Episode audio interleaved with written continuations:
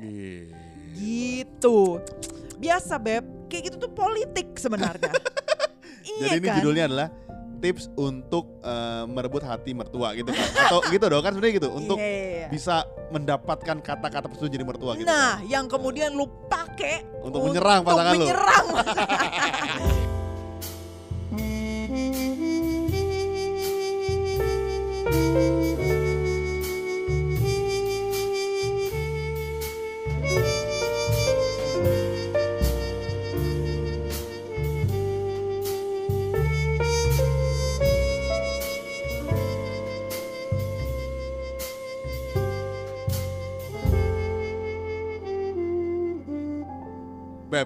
yes. Ah. Kita kembali lagi setelah setelah- tiga bulan nih ya. Hah, tiga bulan ya? Iya, Ra- rasanya tuh kayak pendengar kita udah DM kita udah ratusan ribu kayaknya. iya Kayak benar, udah, pa- jutaan ah, rasanya. Padahal followers kita cuma 1400 tapi yang udah kayaknya sampai jutaan.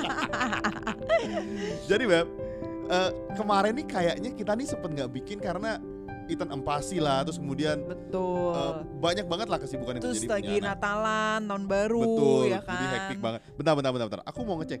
Kita tuh terakhir upload kapan ya sebenarnya ya? Lama banget, Beb. Lama, bentar, bentar, bentar, Seingat aku ngecek. tuh udah kayak berbulan-bulan.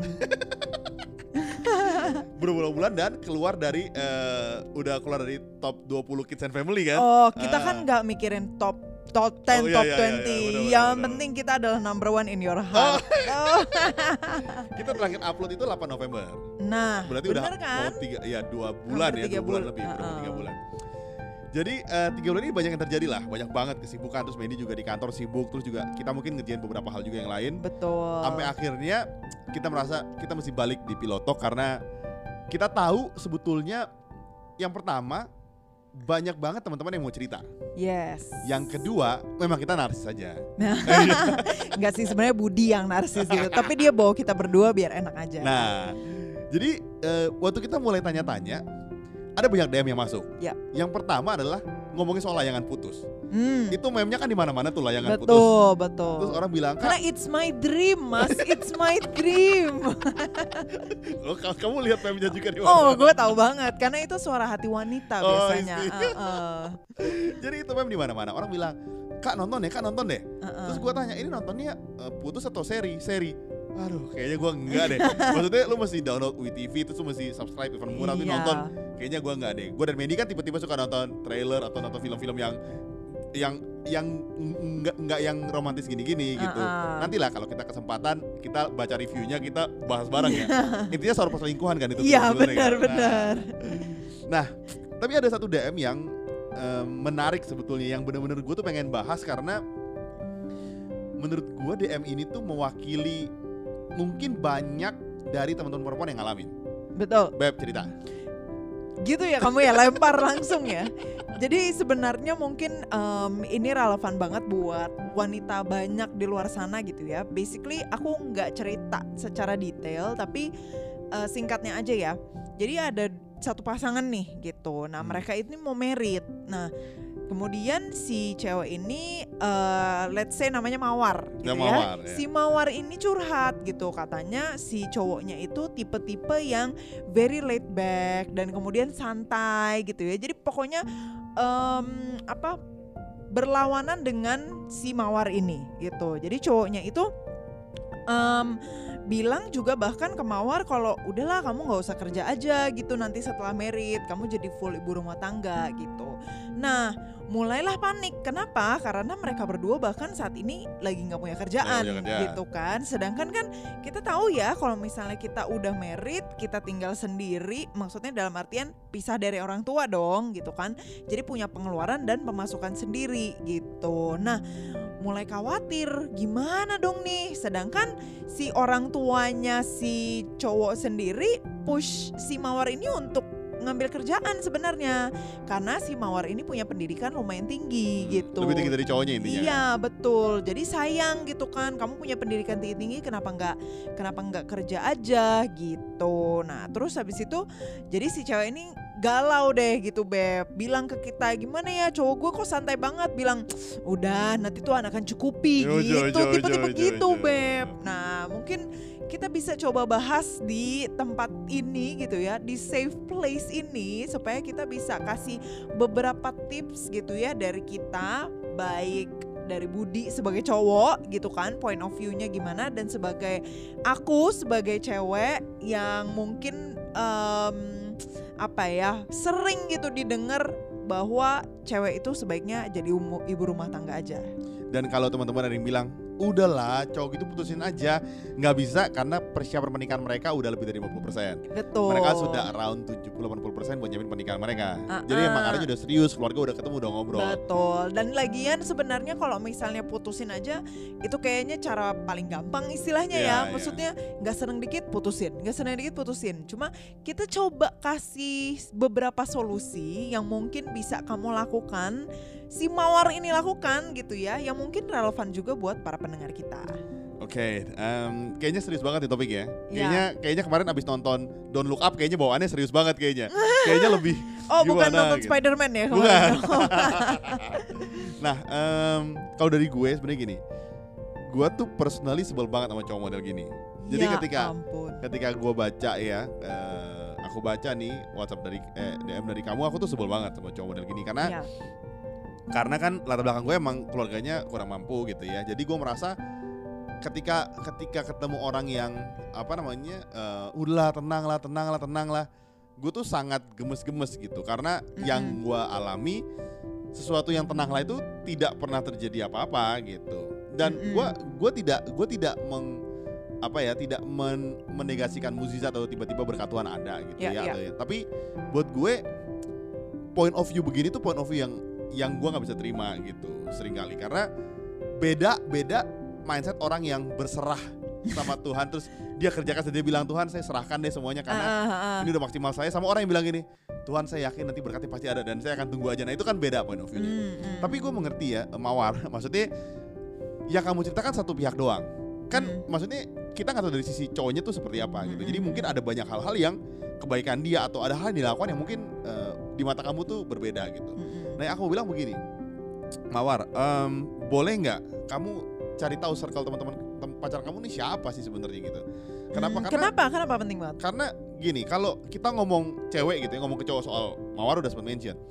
Kalau kamu konfront dia langsung, berakhir dengan Berantem. berantem kan karena merasa iya lu nge-push gua nih cowoknya nggak bisa di-push gitu. Uh-uh. Karena memang susah gitu, apalagi Nah, orang tua cowoknya kayaknya setuju sama cowoknya udah ceweknya nanti tolong kerja ya gitu maksudnya kan lebih Nah. tinggi maksudnya kayaknya keluarganya juga nggak nge-push cowoknya gitu Iya. jadi coba deh kamu cari tahu circle circle-nya dia tipe pertemanannya kayak apa sih atau jangan-jangan pertemanannya suka nongkrong gitu mereka Oke. suka hangout tapi eh, mereka nggak ngomongin hal-hal yang mungkin berbau sama masa masa depan gitu atau memang circle cowok kamu nih rata-rata belum menikah oke. karena gini, ketika kita punya circle yang udah menikah, biasanya tuh obrolan tuh finansial. Karena kan aku juga punya temen beb, yang Iya. udah married sama belum married. Oke. Ketika udah married, obrolan tuh beda banget. Eh, eh gini nih eh, mahal banget ya nih rumah ini nih mahal juga nih ya. Kita hitungnya berapa nih? Ngomongin investasi, ngomongin segala macam, ngomongin banyak hal-hal yang berbau sama keutuhan rumah tangga tanda kutip atau eh, dapur yang harus ngebul gitu. Jadi Wow. jadi circle pertemanan tuh pengaruh banget. Iya. Makanya yang aku pengen bilang adalah kamu coba deh cari tahu circle pertemanan tuh siapa sih gitu. Sehat nggak circle pertemanannya? Oke. Kalau circle pertemanannya kamu merasa emang ternyata aneh sih, Iya, sering gibah, gosip Iya. doang. yang nggak terlalu perlu. Coba deh eh, masuk cari-cari komunitas baru untuk bisa develop bareng-bareng gitu. Kalau kalian Hmm. misalnya eh, agama tertentu ya kan ada banyak komunitas-komunitas pasangan Betul. yang bikin kalian bisa growth bareng. Karena Persekutuan gitu ya. betul, karena kan itu membantu juga gitu. Nggak cuma menolong kamu, menolong dia, tapi juga menambah circle kalian yang kalian kan lagi nggak ada kerjaan. Who knows gitu, kalian tiba-tiba bisa dapat link yang kalian nggak tahu gitu dengan Iya. skill kalian. Gitu sih menurut aku. Oke, oke, benar-benar. Jadi memang penting banget ya untuk punya circle of friends yang meningkatkan kalian berdua gitu.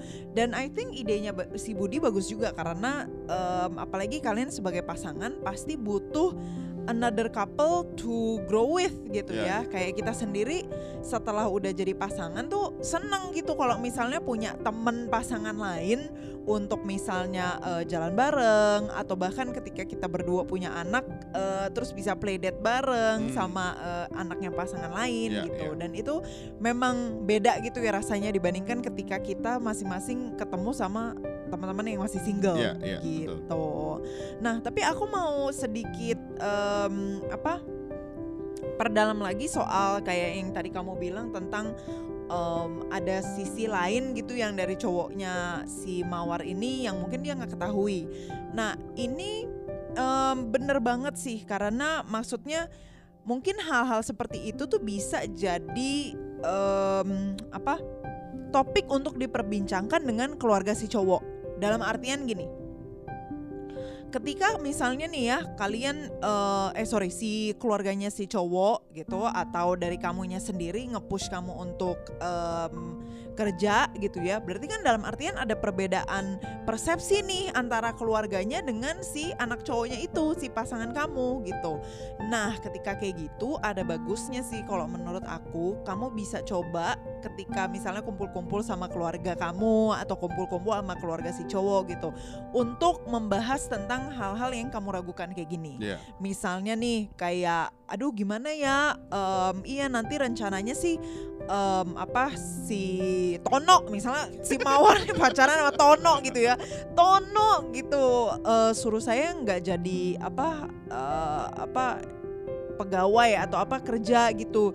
Gimana menurut mama papa gitu atau gimana menurut om tante gitu. Nah dari situ mungkin bisa dibantu gitu apa yang kamu khawatirkan apa yang kamu takutkan. Jadi orang tua si cowok itu bisa bantu ngelobi istilahnya si cowok. Enggak lah apalagi kalau misalnya orang tua si cowok itu dua-duanya kerja. Nah itu pasti lebih lagi akan dipush.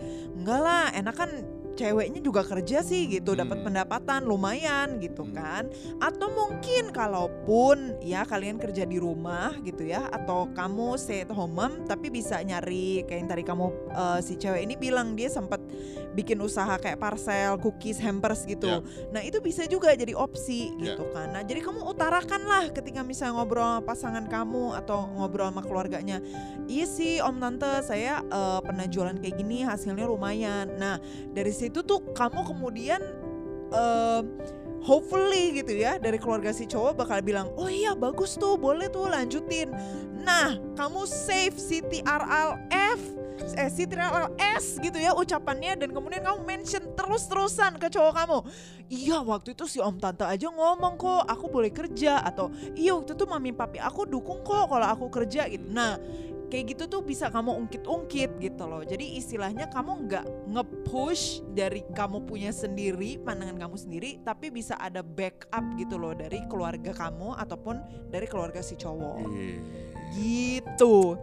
Biasa beb, kayak gitu tuh politik sebenarnya. iya Jadi ini kan? judulnya adalah tips untuk eh, merebut hati mertua gitu kan. Atau gitu dong kan sebenarnya gitu untuk Iya, iya, iya. bisa mendapatkan kata-kata persetujuan jadi mertua gitu. Nah, yang kemudian lu pakai Untuk menyerang pasangan lu. menyerang. Jadi ini tips dari gue sih, karena sering kali kan mungkin kalau kita langsung ngomong sama cowok kita mungkin nggak mempan gitu Iya, iya, ya kan, atau kita langsung ngomong dari sisi kita, kekhawatiran kita, mungkin nggak langsung didengerin. Nah, kalau misalnya ada backup dari orang tua atau dari saudara atau dari mana kek, atau dari cicinya si cowok gitu, Iya. atau dari saudaranya si cowok, nah itu akan sangat bantu kamu punya argumen banget kalau kamu pengen kerja gitu. Oke. Nah, em, ini ini ada ada hal yang menarik ngomongin soal kerja dan tidak kerja. Kan si Tono, ini namanya Tono. Kalau namanya Tono beneran tuh gimana Sorry ya? ya Beb, abis gue gak bisa kepikiran nama lain. Jadi jadi kalau misalnya eh, Tono ini meminta Mawar untuk eh, di rumah aja setelah menikah, Uh-uh. asumsinya kan udahlah di rumah aja ngurusin suaminya gitu ya. ya, Gua rasa semua laki-laki punya mindset yang sama tadinya. Maksudnya semua Oh, laki-laki itu pada pada dasarnya, misalnya gue atau circle-circle gue, iya pengen istrinya di rumah aja, udahlah nggak usah capek biar suaminya yang kerja. Biasa tuh gitu. Oh, Tapi gitu. di keluarga gue, Mandy bekerja, karena kan emang suaminya nggak cukup juga, jadi dua-duanya harus bekerja. Nggak, sebenarnya cukup. Tapi mohon maaf nih, KPR rumah kita nih sangat tinggi nih ya. jadi tidak Beb. cukup. jadi teman-teman, em, jadi gue gua ngerti perasaan si Tono ketika bilang udahlah di rumah aja, karena Ya, biasa ya. laki-laki tuh prinsipnya, asumsinya gitu ya, ketika menikah, udah lalu urusin rumah aja, ya Yap. nanti gue yang kerja aja Yap. gitu. Nah sering kali perempuan mikirnya kan, ah masa lu ngebatasin kan, gue Iya, bisa ini. Iya betul betul. Nah teman-teman, gue udah menikah, istri gue bekerja. Yap. Gue punya banyak circle teman-teman yang istrinya tidak bekerja. Ah, Entah dia mungkin di rumah eh, eh, full time gitu ya Iya. atau gue dulu juga ngajar eh, ngajar gue juga pernah ketemu beberapa orang tua yang emang full time atau Oke. ada juga memang orang yang di rumah kerja yang lain gitu tapi gue punya perbandingan yang relatif eh, signifikan antara yang bekerja dan tidak bekerja Oke. gitu gue tidak bilang perempuan tidak bekerja itu tidak bagus karena yang tidak bekerja full time mom itu luar biasa banget effortnya gitu Iya, setuju. Karena kita punya anak jadi gue ngalamin ketika lu full time ngurus anak lu itu lu the best Dan person ever Iya, karena kita waktu itu pengalaman nggak ada mbak di rumah selama dua minggu dan we have to spend like 24 hours with Ethan. Jadi itu wah, gue sih kayak luar biasa banget gitu. Iya, Bahkan iya. ketika gue uh, excuse my language ya, pup dan pipis gitu ya ke WC, dia harus ngikutin Iya, kalau iya. nggak dia akan nangis. Jadi uh, for you guys yang stay at home mom, kalian luar biasa banget sih. Nah, jadi maksudnya gue tidak mendiskreditkan teman-teman yang full time mom. Betul. Tapi gue bilang begini, beberapa dari circle gue ketika mereka full time, let's say mereka tidak ngurus anak gitu ya, Ya, mindsetnya agak berbeda gitu. Jadi eh, mungkin mereka lebih banyak nonton sosial media, mereka iya. lebih banyak browsing browsing hal yang mungkin tidak perlu gitu. YouTube. Iya. Iya. Gue nggak bilang mereka nggak develop ya, tapi memang untuk ketika lu di rumah dan lu mau develop, lu butuh effort banget. Lu Betul. butuh maksa diri lu untuk jadi effort gitu. Iya. Makanya kalau gue ngobrol sama orang-orang yang gue tahu dia di rumah, mindsetnya agak beda tuh. Pola pikirnya, cara bicaranya, approach yang dia kulik tuh beda banget. Betul. Sangat jauh sama orang yang bekerja. Betul. Sekalipun mungkin bekerjanya mungkin dunianya bukan manajer bukan apa, tapi circle pertemanannya tuh agak berbeda gitu. Iya iya iya. jadi iya. jadi gue mulai dan itu mempush dia untuk jadi uh, whole different level gitu Iya ya. iya iya. Jadi jadi maksud gue, kenapa akhirnya gue lebih memilih untuk kalaupun lu eh, menikah suami lu settle, lu tetap kerja deh.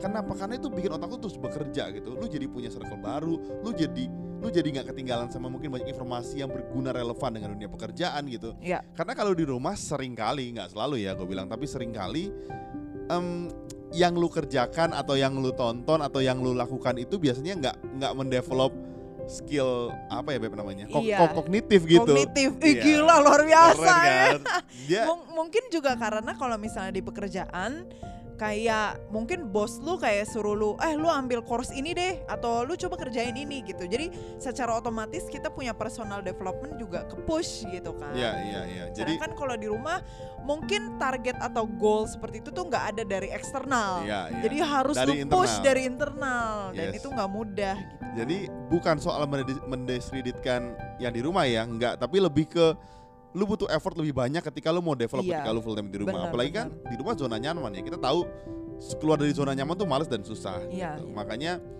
em, jadi kalau misalnya Mawar lu tanya gue gitu ya atau lu kasih dengar ke si Tono nih, gue bilang gini. percaya emang percaya sama gue deh Tono bahwa ketika lu izinkan pasangan lu untuk bekerja, nanti ketika lu pulang ke rumah bekerja, obrolan lu jadi menyenangkan. Karena Hmm. dia akan bawa hal-hal yang dari tempat dia kerja, Ya, iya. pasangan lu akan bawa hal dari tempat dia kerja, lu bisa brainstorm, akhirnya lu ketemu, oh ternyata sama nih begini kasusnya nih, ternyata bos gue juga sama ya. Iya. Akhirnya muncul banyak percakapan, either mungkin develop kalian berdua, ya atau juga bisa ngegosipin juga bisa sih. Tapi maksud gua ada bahan topik yang menarik dari dua hal yang berbeda gitu. Iya, iya. Kalau di rumah juga bisa juga sih sebenarnya. Tapi kan Betul. kalau belum punya anak, biasa pasangannya tuh banyak browsing aja biasanya gitu ya. Iya, gua nggak iya. bilang buruk, tapi agak susah kecuali lu di rumah misalnya lu browsing Bitcoin, NFT dan dan segala macam kripto. Iya, bener. Lu nonton CNBC dan segala macam mungkin lain cerita. Iya mungkin kan- beda kali ya. tapi mungkin kan susah untuk orang lakuin itu gitu maksud Iya. gue. Jadi buat gue pribadi, gue sangat support uh, perempuan yang bekerja karena pertimbangan mindset dan uh, kemampuan dia dan ke- kemauan dia untuk belajar sih menurut gue. Iya, iya. Nah, eh, itu bener banget. Jadi em, apa ya, agak sedikit beda gitu ketika misalnya kedua-duanya bekerja atau salah satu bekerja gitu. Mungkin ini kayaknya bisa jadi topik yang seru kayaknya gitu ya Beb ya. Eh, gue jadi kepikiran beberapa poin-poin menarik nih yang bisa kita angkat. Dari ngomongin ngomong gini. Iya ya, oke. mungkin next ya. Next, coba. Em, terus kalau misalnya dari aku sih mungkin masukan terakhir gitu. Eh, ini kan kita coba dengar dari Mawar eh, salah satu point of view doang gitu ya. Jadi kita dengar point of view dari kamu gitu.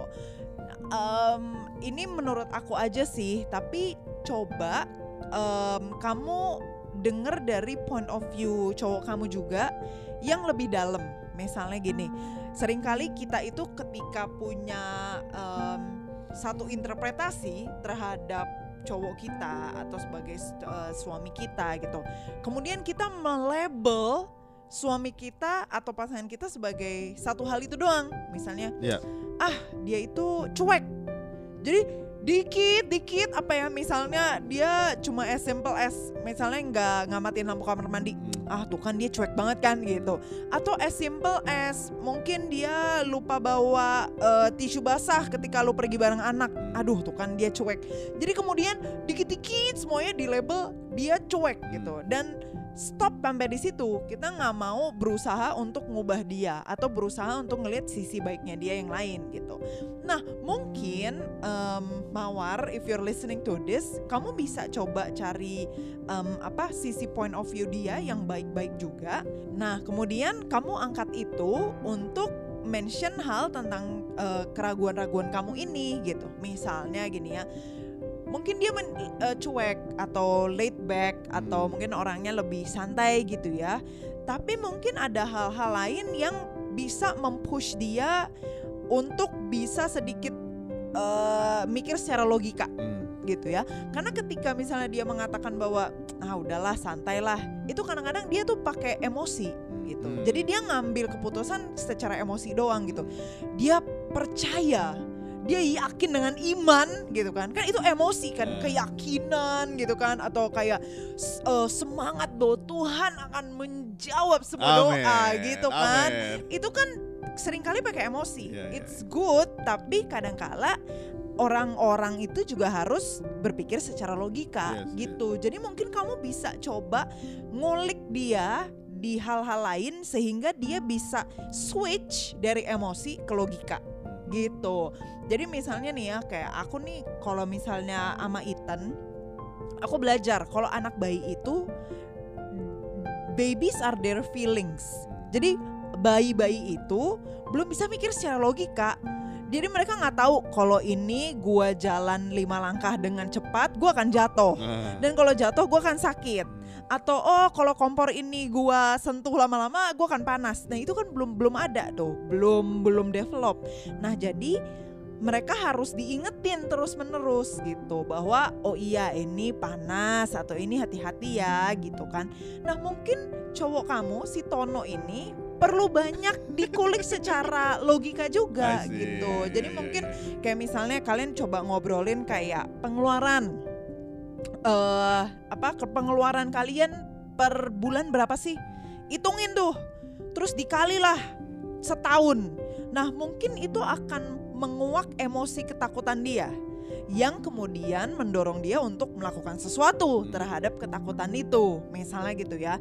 Atau mungkin kamu bisa ngomong tentang kayak em, temen kamu yang udah sukses atau siapalah papa kamu yang sukses gitu. Ih, papa tuh papa aku tuh keren banget ya atau papa kamu tuh keren banget ya udah eh, kerja kayak gini terus hebat dia bisa nabung kayak gini menurut kamu kayak gimana? Nah dari diskusi-diskusi kayak gitu yang mungkin appeal ke emotional level dia kemudian dari situ kamu bawa dia ke logical thinking ke misal iya nih kayaknya nanti kita juga kayaknya perlu saving deh atau iya nih kayaknya nanti kita perlu cari pemasukan lebih deh say misalnya kayak gitu nah jadi hal-hal kayak gitu yang bisa kamu coba bawa kulik the other side of him yang mengulik tentang emosi dia untuk kamu bawa ke logical thinking. Em, bener. Tapi kalau misalnya dia bilang gini, ih papaku hebat deh, jangan kayaknya. Itu pasti laki-laki tersinggung. Iya seperti itu, mungkin dari orang tuanya kali Iya, ya kalau orang tuanya mungkin beda. Terus kalau Iya. misalnya kalian bilang, Oh, mamanya misalnya gitu ya misalnya kalian bilang gini, eh, nih eh, spending kita segini nih, kamu kalikan. Mungkin muncul emosi ketakutannya dia. Iya Mungkin juga dia juga nggak takut-takut amat. Kalau gitu kalian boleh DM lagi aja nanti. Jadi kita tahu kelanjutannya itu apa sih Iya sebenarnya. iya iya benar-benar Jadi ada tambah lagi nggak Beb? Eh, itu aja sih dari aku. Kalau dari kamu? Oke, dari aku sih juga itu aja. Tapi memang ini eh, kompleks ya. Maksudnya kalian harus memang kadang cowok tuh makhluknya emang agak-agak aneh juga ya. Mereka tuh Padahal lu sendiri cowok beb. Iya dia sangat sensitif, sangat emosional gitu. Padahal dia suka nggak rasional juga kadang-kadang. Terutama hal-hal begini-gini. Karena bokap gue juga relatif gini. Jadi gue lumayan aware, lumayan tahu lah ng- ngalamin yang mau Iya. alamin gitu. Jadi jadi gue bilang bahwa em, ya dicoba aja tips and triknya dari Mandy juga dari gue juga supaya lu bisa tahu bener nggak sih ini alasannya gitu. Atau ternyata dia punya behind the story yang kamu nggak tau, yang mungkin bikin dia jadi merasa Iya. akhirnya jadi begini. Kadang-kadang itu juga pengaruh gitu. Jadi dari aku itu aja. Iya. Dan buat teman-teman yang mau curhat juga bisa DM kita di @piloto.podcast atau bisa email kita ke mana Beb? Pilotok dot pod pilotokpodcast.id at gmail.com Oke, jadi yang ini suka lupa terus karena nama email kita emang agak beda. jadi nggak apa-apa. Teman-teman kan bisa aware. Oh ya, ini ternyata email yang benar. Jadi sampai sini aja. Sampai ketemu minggu depan. See ya. Kalian tahu nggak sih rahasia bagaimana kita berdua bisa bikin konten setiap minggunya secara rutin? Ternyata rahasianya ada di Nasi Padang. Jadi, gengs, tiap kali si Budi itu makan, Nasi Padang. dia punya kemampuan berpikir dan kreatif itu semakin meningkat. Jadi, kalau kalian mau beliin kita, Nasi Padang. boleh ke karyakarsa.com slash pilotok ID. Tenang aja, aku kalau nasi padang tuh murah kok. Nasi, sayur sama kuah, paling 10 ribu. Iya, karena kemampuan perut Budi akan bertambah dengan cepat kalau dia makan karbohidrat aja. Jadi, jangan lupa ke karyakarsa.com slash pilotokid untuk support kita ya.